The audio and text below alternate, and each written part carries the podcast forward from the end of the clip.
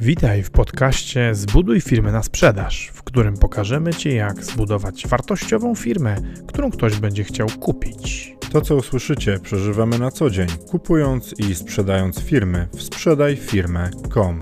Zapraszamy, Paweł Korycki, Maciej Stępa.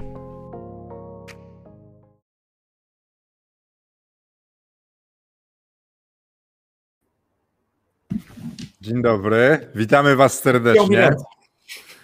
Tak, e, witamy Was serdecznie. Fajnie, fajnie, że jesteście. Już siedem osób jest z nami, czekało na nas na YouTubie, bardzo nam miło.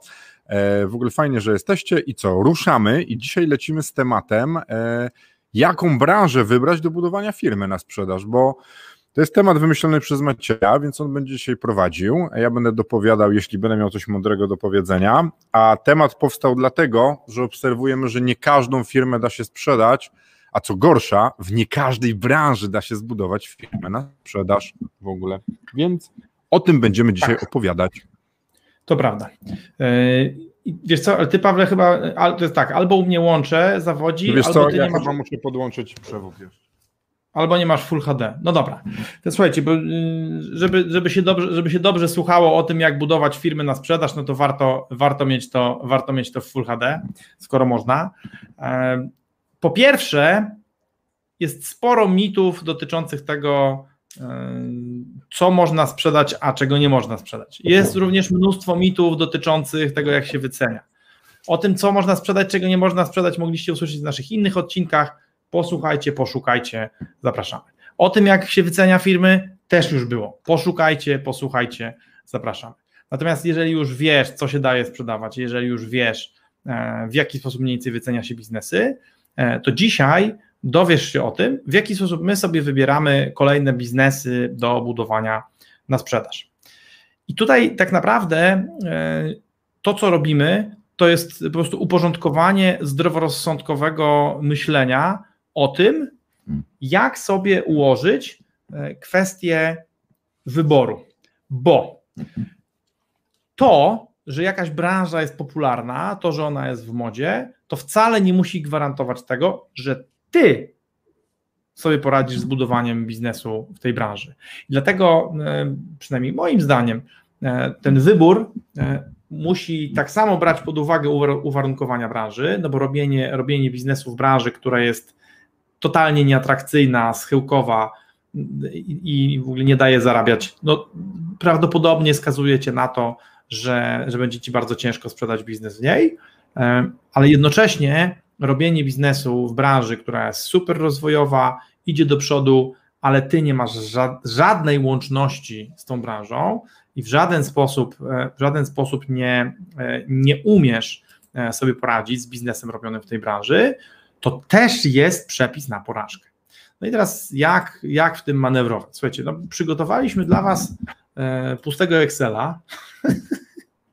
Przepraszam, mnie to bawi. Ty, a sobie Full HD włączyłeś w kamerce?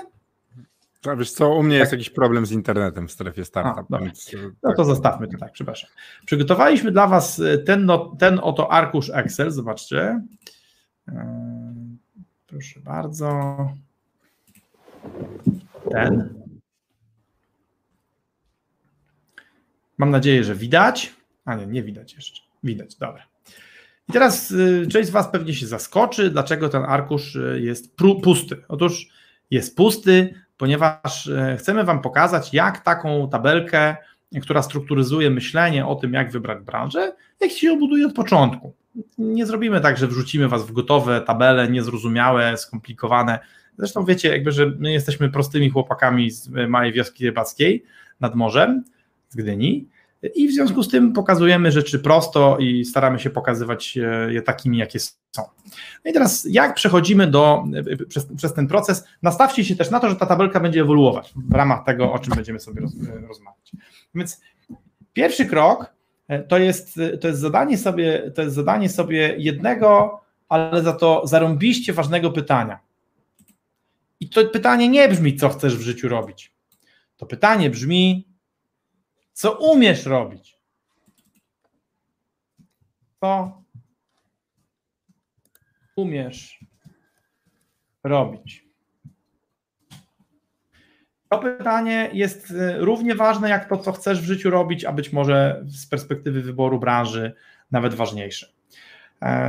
Jeden z naszych mentorów, Tad Witkowicz, mówił kiedyś o, o, tym, jakie firmy się udają, jakie firmy się nie udają, i bardzo mocno ostrzegał przed, przed budowaniem firm, w branży, która ci się podoba, ale na której się zupełnie nie znasz.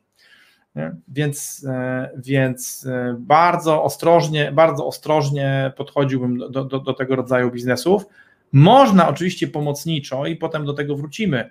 E, można tutaj sobie umieszczać rzeczy, które chciałbyś umieć robić, no ale siłą rzeczy to powoduje, że taka, że taka historia jest dużo, dużo, dużo droższa i dużo bardziej ryzykowna. No wiadomo, im więcej się inwestuje, tym, e, tym e, ryzyko, ryzyko większe i stopa zwrotu na inwestycji potencjalna do uzyskania mniejsza. No wiadomo, im mniej inwestujesz, tym, e, tym lepsze tym, tym lepsze ratio inwestycji do zwrotu.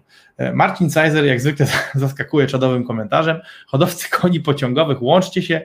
Słyszałem, że benzyna to przyszłościowy temat, a Tesla to tylko taka moda. Ohaj.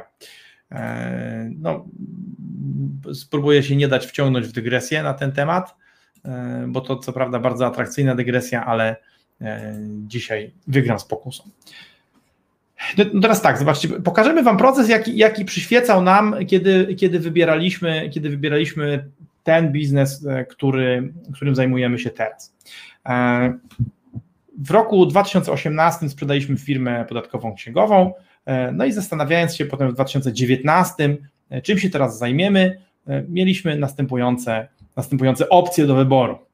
Po pierwsze, księgowość, podatki. Po drugie, przekształcenia spółek. spółek. Po trzecie, sprzedaż produktów finansowych. Po czwarte, doradztwo biznesowe, rozwojowe.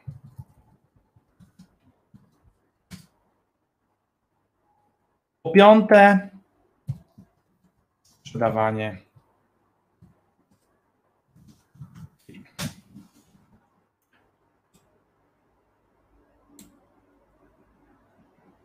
Dobra.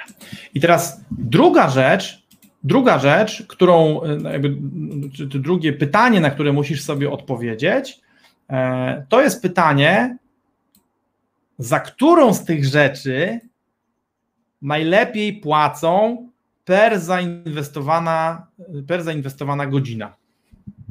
Czyli innymi słowy, co, jak płaci tak płaci. No i podówczas wiedzieliśmy, że księgowość płaci, księgowość i podatki to jest między 150 a 200 zł za godzinę. Przekształcenia spółek 250 za godzinę.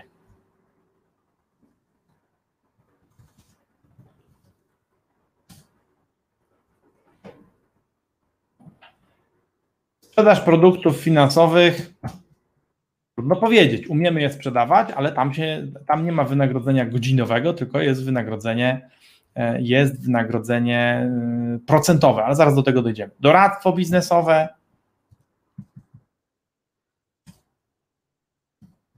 Myślę, że mógłbyś troszkę powiększyć tabelkę, żeby było lepiej widać te. Jasna e, sprawa. Czy, czy, ktoś, już nam, czy ktoś już nam zwróci uwagę? Czy, czy, czy te wyprzedzająco do tego doszedłeś? Chyba wyprzedzająco uderzą. Wiesz co, y, co ciekawe, ale y, normalne, normalna metoda, która zazwyczaj działa w tej sytuacji, działa czy nie działa? Teraz się zmniejszyło. A, Teraz się zmniejszyło. No tak. Słuchaj, bo ma, mam laptopa z norweską klawiaturą. I to wszystko jest na odwrót. Teraz jest ok? Jeszcze kawałeczek, jeszcze trochę. O, teraz widać dobrze. Trochę zmniejszę, bo E, bo potem z kolei, po, potem z kolei to, to przestanie być, być widoczne. E, słuchajcie, i teraz tak, e, w zależności od tego, w zależności od tego, co umiesz robić, to musisz wybrać wspólną jednostkę, wspólną miarę. Dla nas, w związku z tym, że, w związku z tym, że większość tych rzeczy, w których pracowaliśmy, pracowaliśmy, to płaciła, płaciła w złotówkach za godzinę, no to, to byliśmy w stanie to porównać, ale tak naprawdę mieliśmy co najmniej, co najmniej jedną rzecz, a, a tak naprawdę to powinno być tak.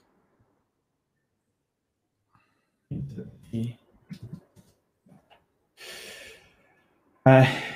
Wiedzieliśmy, że sprzedaż produktów finansowych e, daje możliwość uzyskania prowizji na poziomie 2%. No i potem drogą ekstrapolacji doszliśmy do tego, jakby przyglądając się temu, jak nam kiedyś szło e, zarabianie pieniędzy w tej branży, e, no to przypomnieliśmy sobie, że poświęcając określoną ilość godzin, byliśmy w stanie zarobić określoną ilość pieniędzy, czyli przetworzyliśmy, bo, bo, to, że dostajesz 2% na przykład od e, zainwestowanych środków, albo że dostajesz 2% e, od udzielonych kredytów, to to fajnie, tylko pytanie, ile musisz, ile musisz poświęcić, ile musisz poświęcić godzin roboczych na uzyskanie 2% od 100 tysięcy złotych. No i wyszło nam tak, że tutaj będziemy zarabiać około 300 złotych. Chcę, chcę, skrócić, chcę skrócić tą kalkulację, a może krótsze, może niesłusznie. Bo teraz tak, no skąd, skąd, nam to wyszło? E, wyszło wychodziło nam, te, te 300 zł wyszło nam, wyszło nam w ten sposób, że widzieliśmy, że skoro e, udzielając e, kredytu na 100 tysięcy złotych i uzyskując z niego 2% prowizji, uzyskujemy 2000 złotych, a na taki kredyt przeciętnie pracujemy, bo liczymy godziny, godziny robocze włożone stricte, stricte w pozyskanie takiego przedsięwzięcia e, i w jego realizację. Wkładamy około 8 godzin. To wychodzi nam kwota, wychodzi nam kwota per godzina. No i oczywiście ta kwota się może różnić, bo teraz jak uda się sprzedać taką inwestycję za 200 tysięcy złotych, a ona nadal będzie kosztowała 8 godzin pracy, to stawka godzinowa wyjdzie 500, ale, ale bardzo często jest też tak, że, się że, ta, że ta sprzedaż w ogóle się nie powiedzie, no i okaże się, że no i okaże się, że żeby, żeby średnio sobie, sobie to złapać, no to trzeba, to trzeba wziąć pod uwagę również takie procesy, nie tylko te procesy, gdzie godziny przyniosły pieniądze, ale również te procesy, gdzie godziny tych pieniędzy nie przyniosły. No i ta kalkulacja nas doprowadziła do tego, że to jest między 250 a 300 zł.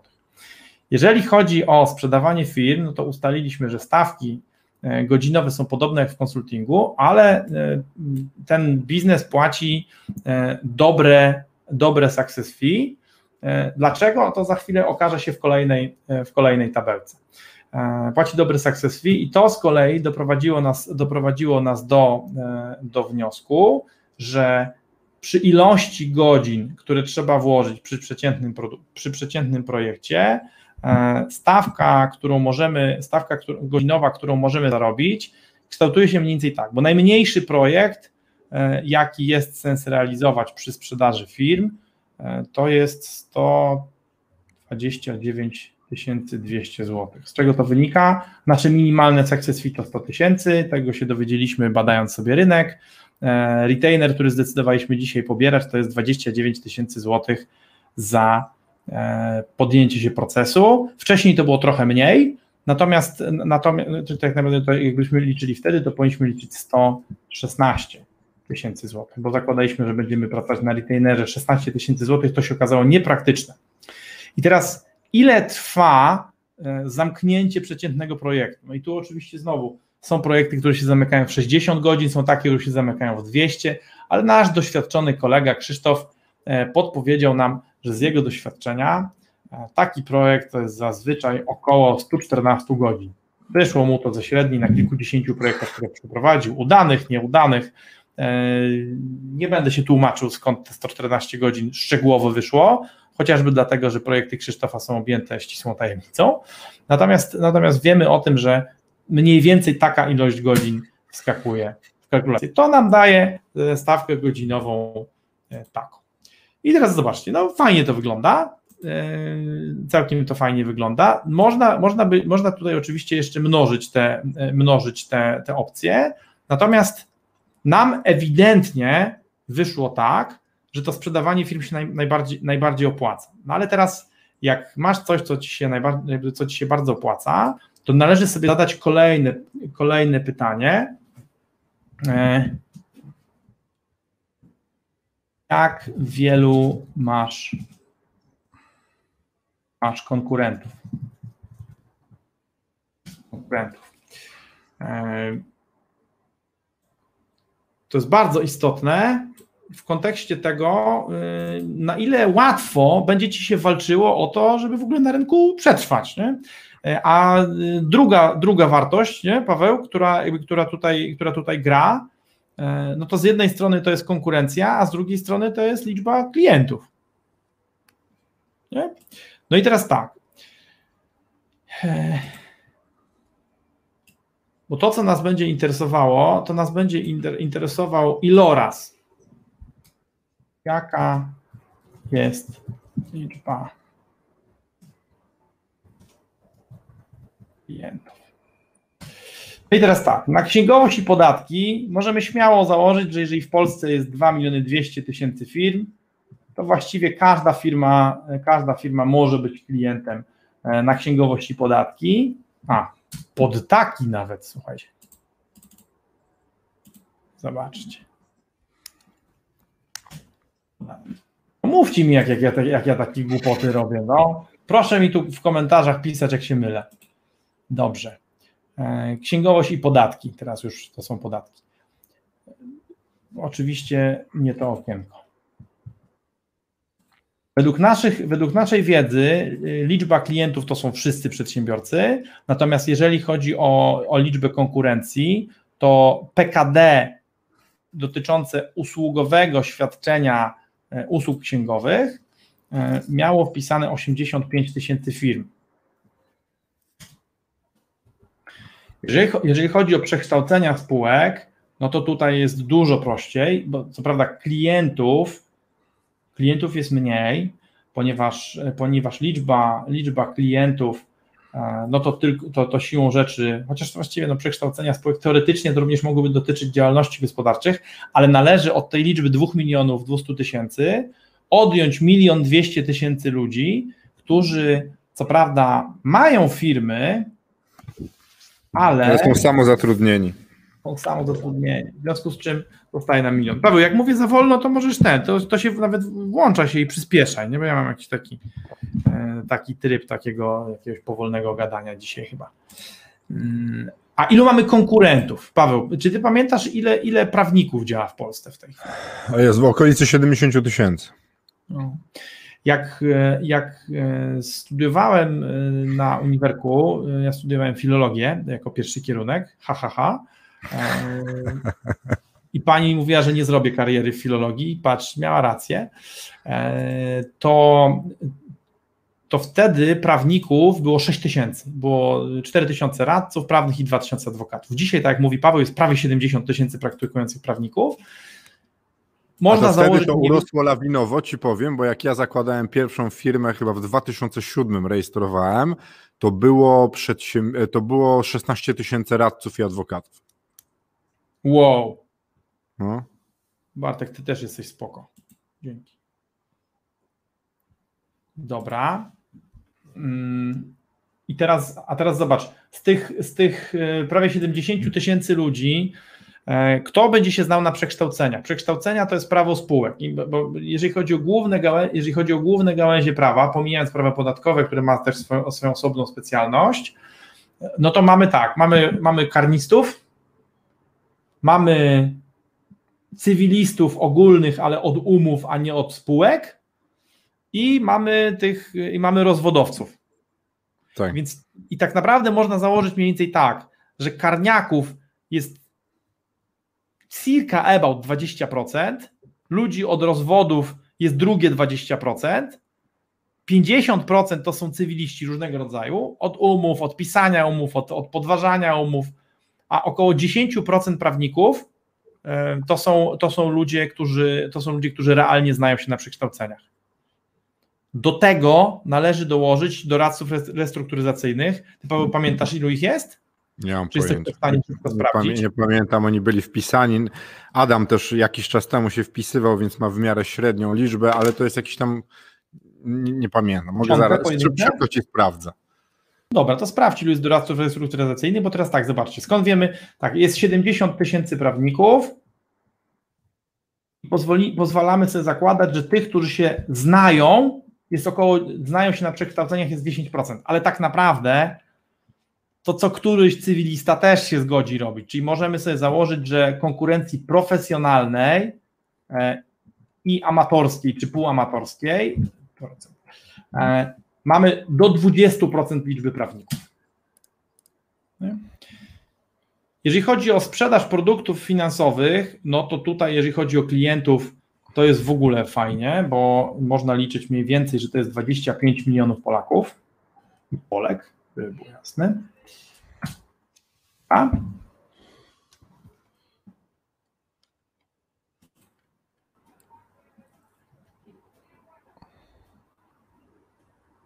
Radców restrukturyzacyjnych w Polsce jest 1559. To Okej, jest dane dobra, no to z, z gov.pl, ministerstwa, pełna lista jest, można plus sobie ściągnąć. 1559, tak? Tak. Dobra, no to czyli konkurujemy z jakimiś 16 tysiącami klientów. E, Jeśli chodzi o sprzedaż produktów finansowych, no to klientów jest 25 milionów na produkty finansowe, w sensie no, liczę dorosłych, dorosłych Polaków w wieku produkcyjnym, ale tak naprawdę realistycznie, realistycznie prawdopodobnie można, można jedną trzecią z tych ludzi odrzucić, ponieważ e, oni są w wiecznym długu i nigdy nie będą mieli żadnych wolnych pieniędzy, więc e, nie są realnymi, są to, teoretycznie możliwi klienci, ale są no, niesprzedawalni, więc jest około 17 milionów, jest około 17 milionów ludzi, którym można, można coś sprzedawać. Prawdopodobnie w większ, większej ilości kredyty, mniejszej ilości inwestycje. A ilu mamy pośredników finansowych? Paweł, czy, czy, czy, A czy pośrednik stanie- finansowy czy- został. y, y, Kiedyś było tak, że trzeba było coś tam kończyć, żeby być pośrednikiem, znaczy jakieś mieć uprawnienia, nie? Tak, a teraz chyba nie. Teraz jest uwolniony y, zawód. Zobaczcie, co my teraz robimy, bo może wam się wydawać często, jak znaleźć konkurencję. Kurde, przecież to trzeba jakieś wielkie analizy, nie wiadomo co zrobić. Nie?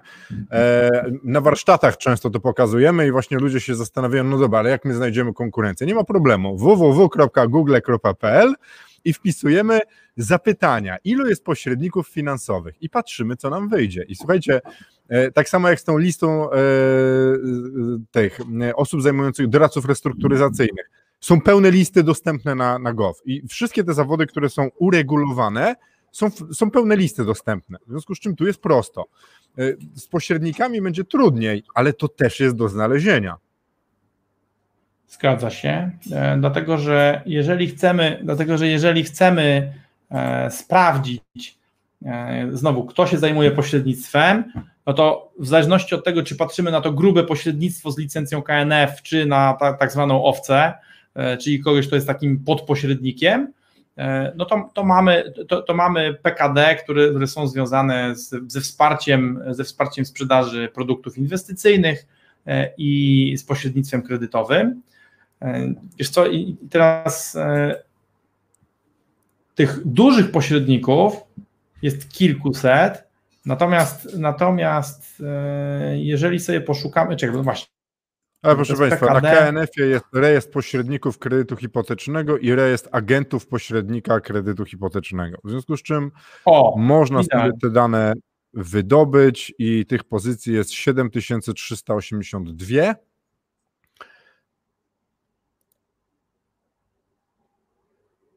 Jako owce i 811 jako pośrednicy kredytów e, hipotecznych. 811, dobra, a kredytów konsumenckich, pośredników, i oni będą się nakładać niestety. Tak. E, tego, tego nie będziemy w stanie tak na szybko zweryfikować, ale tych z kolei, proszę 8500. Państwa, pośredników kredytu konsumenckiego jest w Polsce 37 575.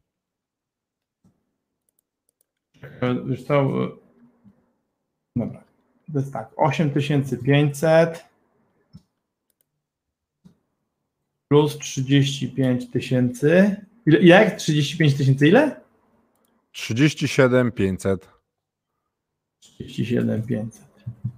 500, a, a jeszcze jedna rzecz, trzeba, 11.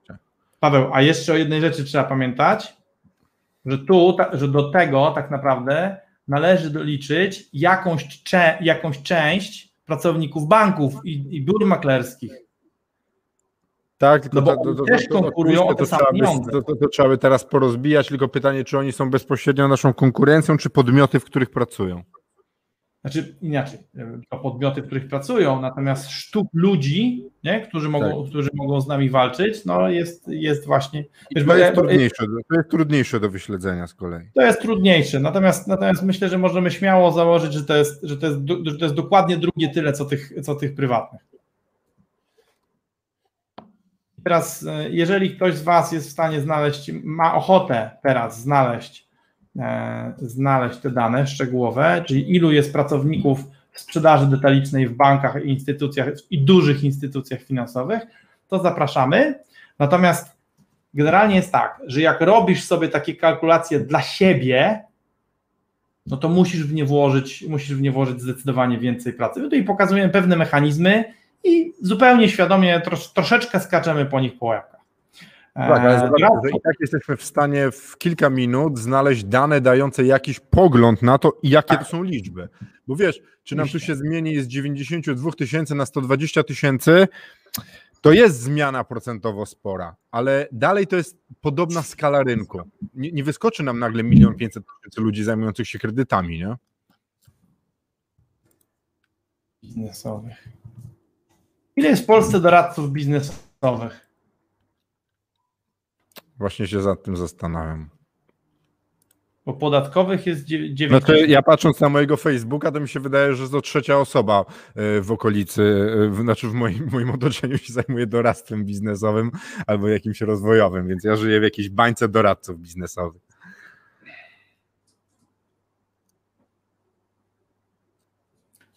I tak, i teraz Bartłomiej, Bartłomiej ba- bardzo, bardzo sprytnie już chce skakać dalej. E, Poczekaj, Bartłomieju, jeszcze chwilę, bo to nie jest wszystko. Bo to nie jest wszystko.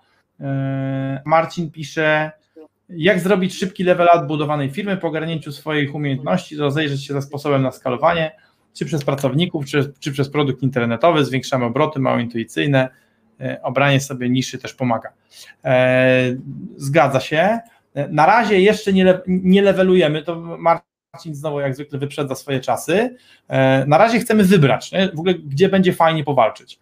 Teraz zobaczcie, jak wielu masz konkurentów w doradztwie biznesowym? Ja, ja Paweł pamiętam takie dane i teraz e, one są, nie wyciągam ich, nie wyciągam ich z internetu, ale znowu e, możemy popatrzeć na PKD dotyczące doradztwa biznesowego, bo jest takie PKD.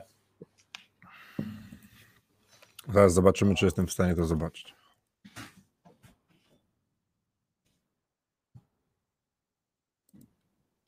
PKD doty- dotyczący doradztwa biznesowego to jest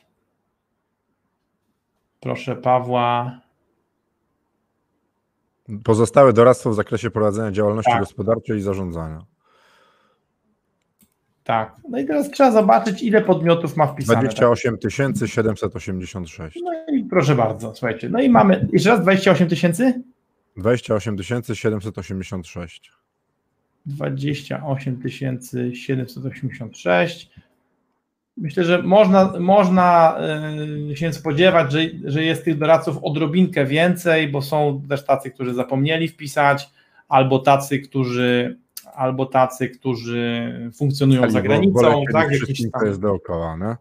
No, zgadza się, ale to mniej więcej, mniej więcej jest, jest ta kalkulacja. I teraz wreszcie zostaje nam, zostaje nam e, ten, ten fragment dotyczący sprzedawania firm.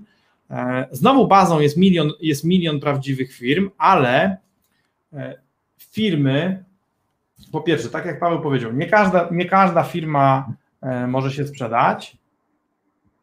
Po drugie, nie każda firma się chce sprzedać.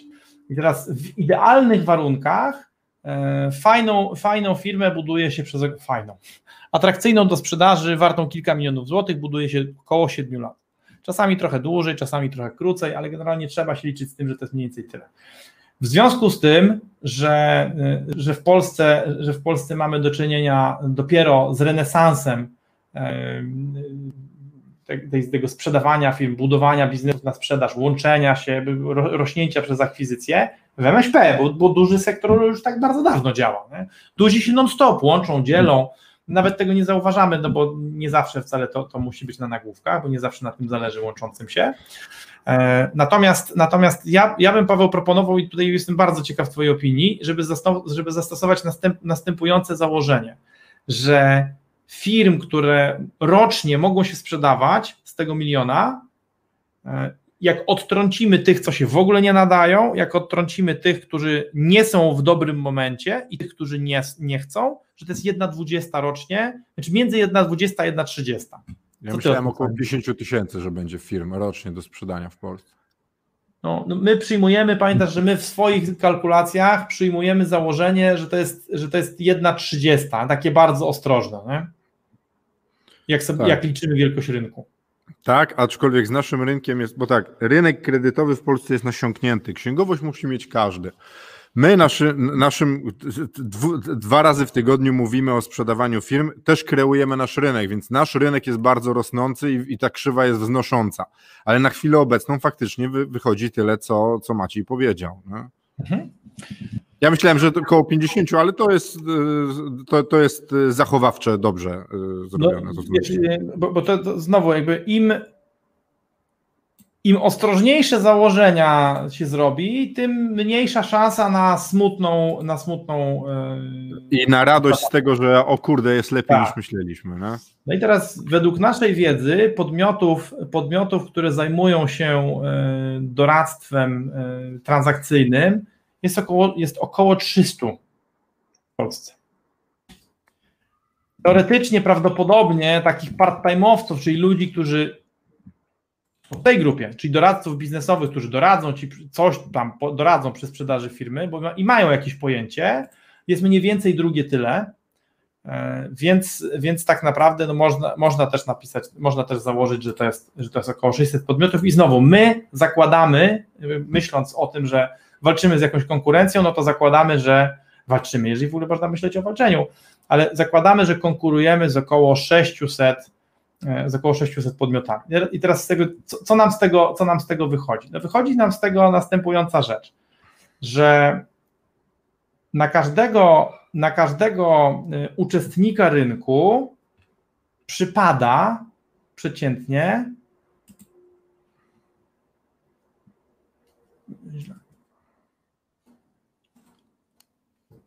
przypada przeciętnie jakaś liczba, e, jakaś liczba klientów. Nie, A, nie przeciągnąłem tego.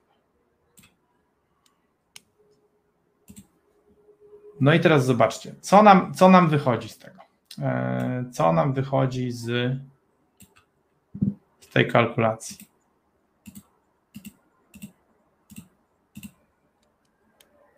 Z kalkulacji wychodzi nam rzecz następująca. Jeżeli chodzi o nasycenie, nasycenie rynku konkurencją, to najlepiej wygląda, najlepiej wygląda teoretycznie e, sprzedaż produktów finansowych. Na drugim miejscu najlepiej wyglądają przekształcenia spółek, a dopiero daleko, daleko w tyle e, sprzedawanie firm. Ale, ale jeżeli zrobimy teraz taki zabieg ekstrapolacyjny klientów na konkurenta. Oczywiście wiadomo, że to, że to, to, to jest średnia, no to, to wielokrotnie... No tak, bo jest tak, że przecież masa księgowych to generalnie zajmuje się jedną firmą, nie? Tak, zgadza się.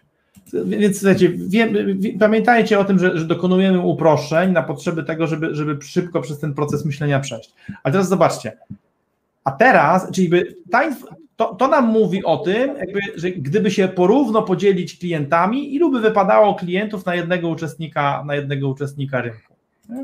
I teraz, i teraz jakby skąd, skąd czerpiemy, jakby, skąd kolejny krok? No więc e, porównujemy sobie, porównujemy sobie jak się ma ta stawka godzinowa możliwa do uzyskania e, do tego współczynnika konkurencyjności. No więc robimy tak, że e, sobie przemnożymy stawkę przez ten współczynnik.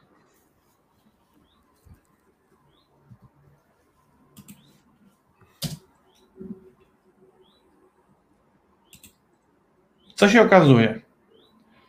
Okazuje się, że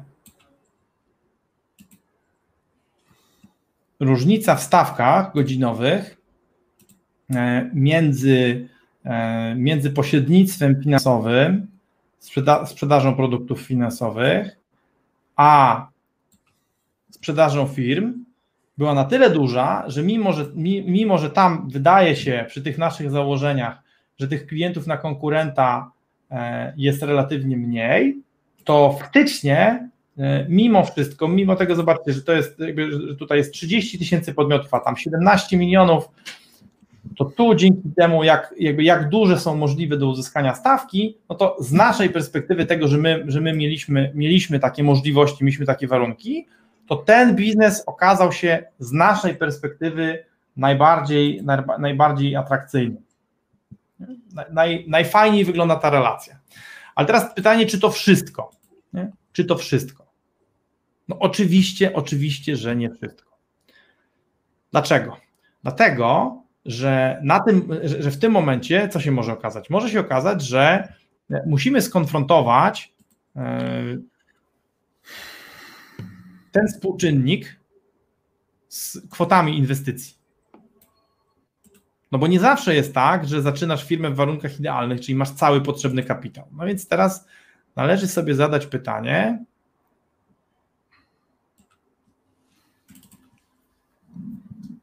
jakim kapitałem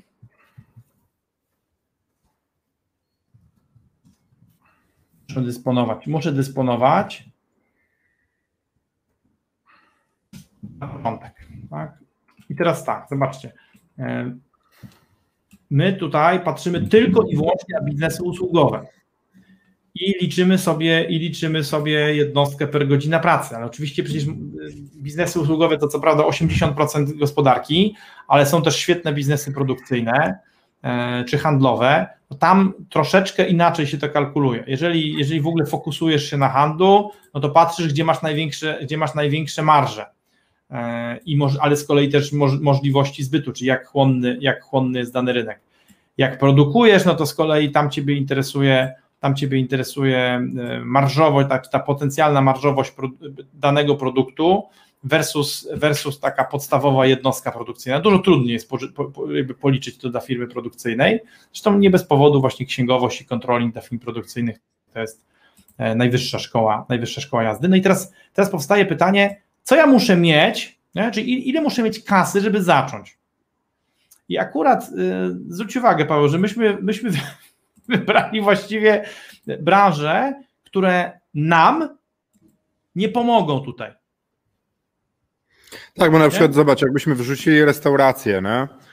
E, słuchajcie, każdy musi jeść. Nie? Pozornie każdy musi jeść. Ale pytanie, tak. czy każdy jest klientem restauracji, to po pierwsze. Po drugie, jakie ceny ma mieć ta restauracja, żeby docierać do tych ludzi. I po trzecie, jaka jest inwestycja, żeby otworzyć restaurację? Bo y, jedno to jest otworzyć budkę z hamburgerami. W Gdyni była taka słynna budka przy y, tym, y, przy pomniku harcerza, gdzie wszyscy w nocy przychodzili, ona robiła jakieś miliony obrotu, nakładem taki wiecie, stała buda, przyczepa kempingowa i robiła kasę, a są też restauracje, które sprzedają kilka dań dziennie i też robią miliony obrotu. Kilka to w cudzysłowie oczywiście, ale też robią kilka milionów obrotu. Ale jaki był nakład w ogóle, wiecie, E, na przykład na kucharza, nie? tam były trzy panie, które wrzucały kotlety z makro w bułkę z makro i sałatkę z makro i miały mikrofalówki, a tutaj trzeba mieć całą infrastrukturę nie? I, i, i zobaczcie jak, o ile ciężej jest potem porównywać takie rzeczy, a my specjalnie wybraliśmy biznesy takie usługowe, Maciej wybrał, nie my, ja tam miałem niewiele z tym wspólnego akurat dzisiaj, e, bo to jest nam bliskie, bo my te rzeczy robiliśmy, akurat które tutaj są i, i, i, i, i znamy liczby mniej więcej. Nie? Dokładnie. E, I teraz i generalnie wychodzi tak, że z tych biznesów tu, wiecie, który jest najdroższy, który jest najtrudniej zrobić? księgowość. Bo teraz hmm. zobacz, żeby robić przekształcenia spółek, e, sprzedaż produktów finansowych, doradztwo biznesowe i sprzedawanie firm, tak naprawdę potrzebujesz e, wynająć od kogoś laptopa i mieć, i mieć jakąś skrzynkę e-mail. Bo właściwie wszystko, wszystko inne, wszystko inne jesteś, jakby musisz, znaczy musisz. Kapitał intelektualny musisz mieć ze sobą, tak. bo zakładamy, że, że się zajmujemy rzeczami, na, których, na, na temat których mamy pojęcie. Jeżeli chcesz robić, jeżeli chcesz robić e, odpłatną księgowość, no to musisz gdzieś przechowywać dokumenty, a chociaż może teoretycznie nie musisz. Nie, dobra, musisz, bo musisz przechowywać dokumenty albo w formie papierowej, albo w formie elektronicznej. I okej, okay, możesz nie mieć biura, ale wtedy musisz, wtedy musisz mieć jakiś, jakiś taki cyfrowy skarbiec. Nie? E, czyli, czyli musisz mieć albo pieniądze, albo płynność na to, żeby kupić żeby kupić aktywa potrzebne do tego, żeby tą księgowość robić. I okej, okay, jeżeli, jeżeli zaczynasz sam albo z, z niewielką liczbą pracowników, to, to, to dla tych pracowników ta, ta, różnica nie będzie duża między księgowością a, a, pośrednictwem finansowym, ale tak naprawdę pośrednika finansowego spokojnie możesz posadzić w jego domu i kazać mu pracować na jego komputerze. Z księgową to raczej nie przejdzie.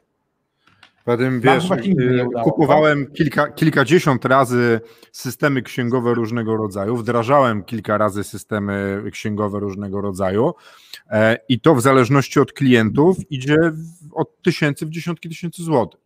No właśnie.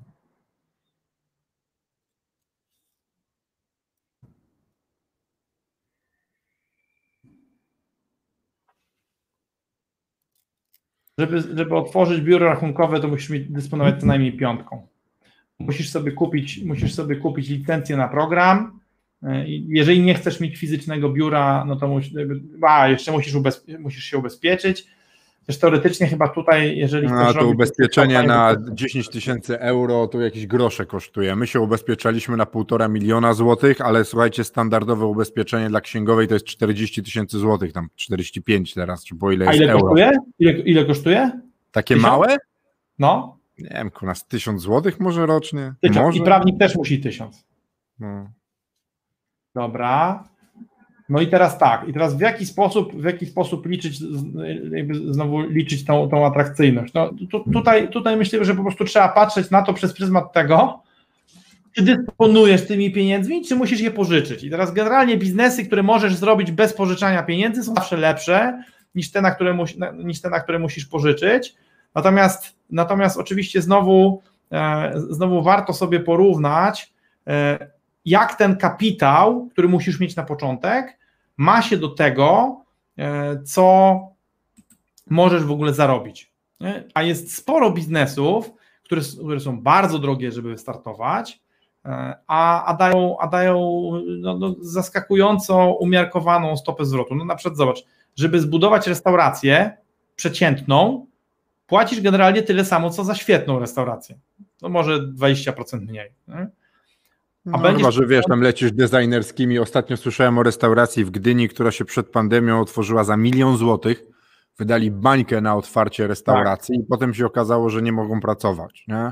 E, no kredyt był wzięty, leasingi były wzięte, sprzęt stał, piękny z nierdzewki, ich już nie ma, ale właściciele zostali z bańką do spłacenia. Nie? I to oczywiście wiecie, jak to było, nie? W działalności gospodarczej, no bo jak inaczej? No tak, tak, tak. No, no jak żeby inaczej.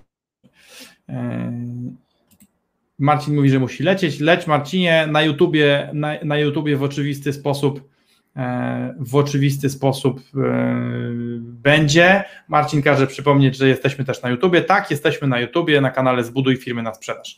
Ale zanim zbudujesz, to wybierz branżę. E, a jak wybrać branżę? No po pierwsze zadaj sobie pytanie, co umiesz robić, potem sprawdź, co z tych rzeczy, które umiesz robić, jak płaci w przeliczeniu na jedną wspólną jednostkę. My sobie dla tych usług, y, nazwijmy wiedzowych, y, założyliśmy, że to jest godzina, y, natomiast, natomiast to, mo, to mogą być inne jednostki. E, jak wielu masz, to, to może być też per etat, per pracownik, e, jak wielu masz konkurentów i jaka jest liczba klientów, których możesz obsługiwać, e, Oczywiście, oczywiście tutaj fachowy startupowiec zwróci nam uwagę, bo to jest, bo to jest total available, available market, e, a jeszcze jest, jeszcze jest e, taki współczynnik jak total serviceable market, czyli e, rynek, który masz dostępny.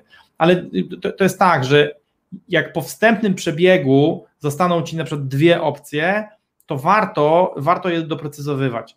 Natomiast chodzi o to, żeby, podobnie tak jak z takim naszym produktem doradczym dotyczącym budżetowania, chodzi o to, żeby sprawdzić, czy to po pierwszym przebiegu ma sens, czy, czy, to, czy, to, czy to, co tutaj dla ciebie wychodzi, e, to czy to ci się zapina, brzydko mówiąc, nie? Czy, e, czy widzisz, czy widzisz e, drugi koniec, drugi, drugi koniec czy ścieżki, czy widzisz brzeg.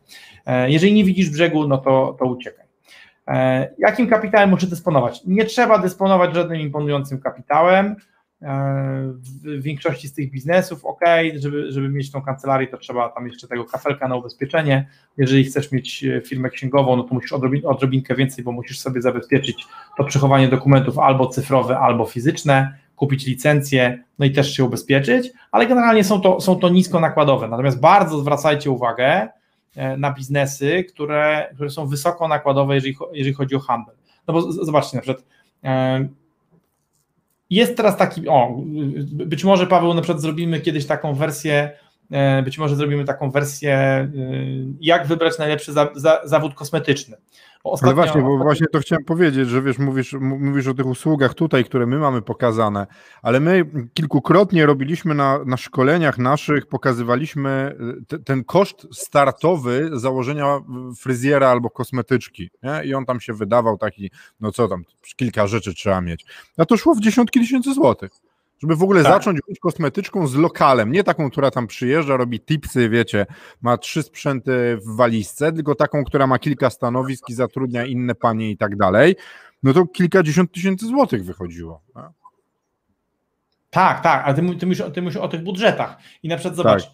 e, jaka jest różnica między otwarciem biznesu linergistycznego, czyli robienia e, makijażu permanentnego, a otwarciem zakładu fryzjerskiego. Nie? To ja się nie znam na tym e, jeszcze. W przypadku fryzjerów szkolenia kosztują kilka tysięcy złotych. Tak. A w przypadku linergistów szkolenia tak. A w przypadku, a w przypadku fryzjerów, y, w przypadku linergistów szkolenia kosztują kilkanaście tysięcy złotych, trzeba zainwestować kupę kasy.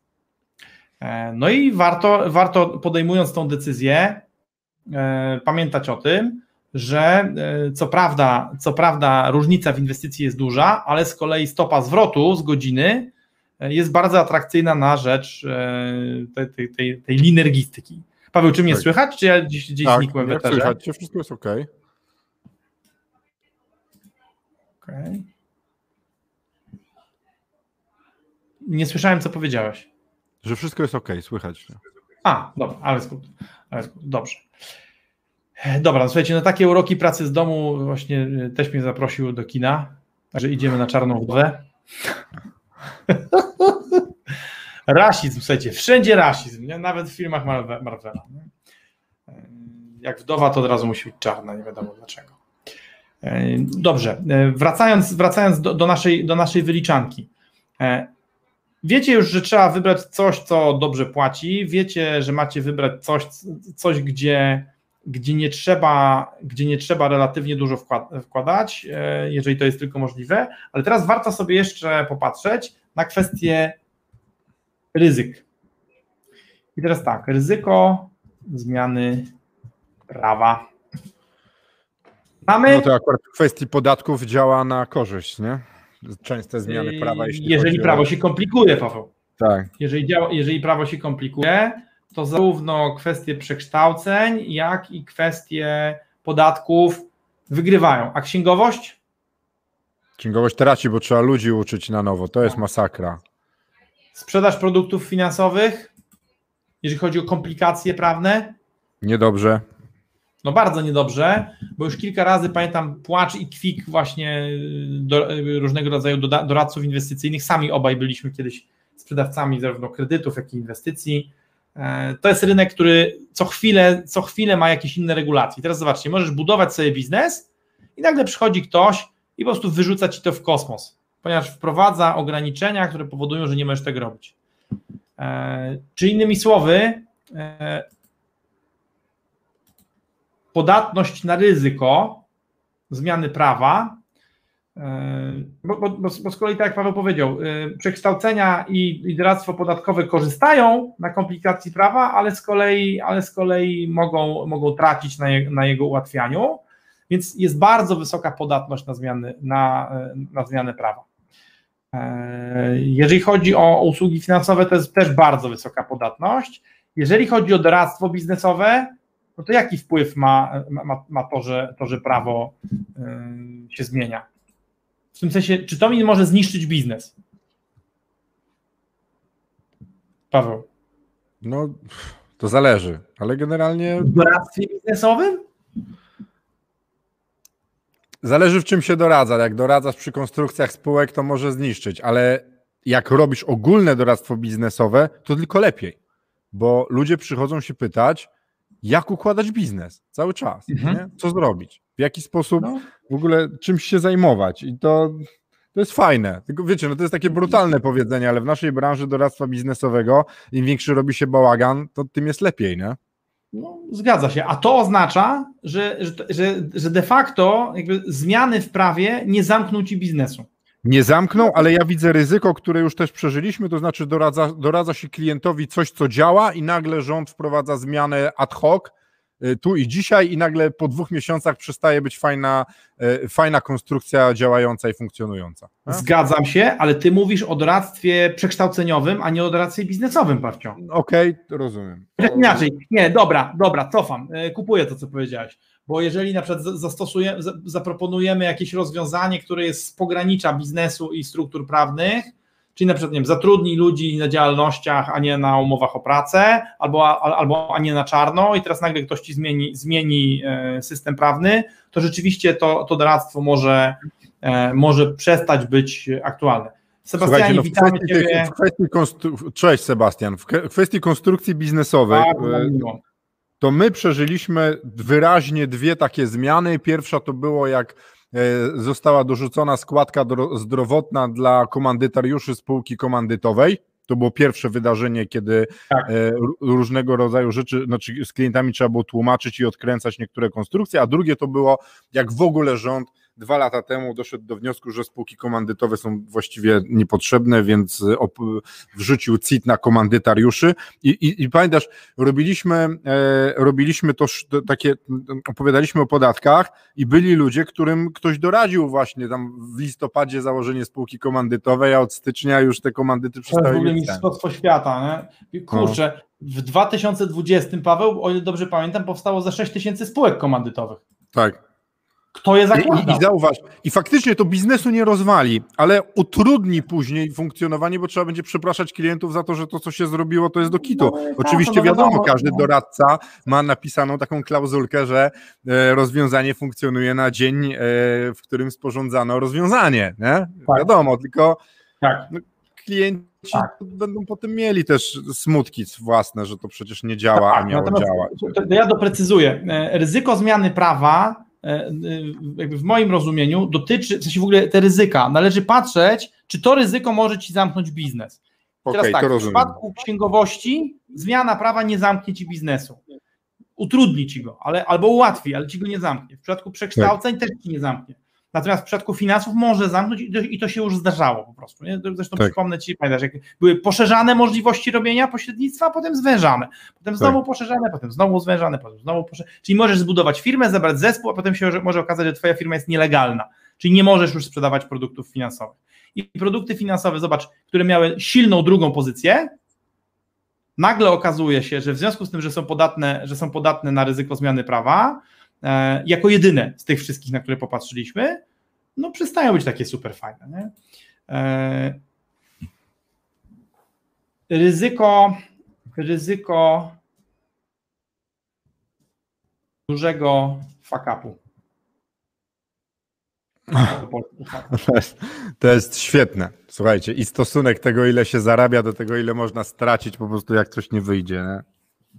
W księgowości, podatkach ogromne ryzyko, w przekształceniach ogromne ryzyko, w finansach ogromne ryzyko, no bo ryzyko dotyczy do 100%. E, w doradztwie nie takie duże, ale też jest. Aczkolwiek jakby, aczkolwiek to ryzyko, bo, bo to ryzyko w doradztwie e, bardzo mocno zależy od tego, w jaki sposób, w jaki sposób, bo, bo teraz tak, duży fuck up może się wydarzyć na przykład w ten sposób, że e, zapomnisz jakiegoś kwitka i przeleci termin.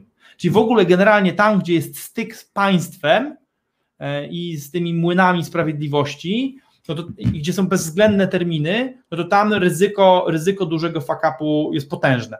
W przypadku sprzedaży firm ryzyko dużego fakapu istnieje, ale jest znacząco, jest znacząco niższe, podobnie jak w przypadku doradztwa biznesowego. Bo innymi słowy, można przez swój błąd albo zmarnować wszystkie pieniądze klienta w doradztwie finansowym czy pośrednictwie kredytowym, dając mu zły kredyt.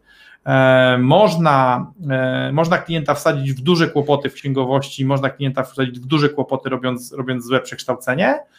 E, przy sprzedaży firm nie bardzo można zrobić, można zmarnować okazję, podobnie jak przy, jak przy doradzaniu biznesowym. Nie?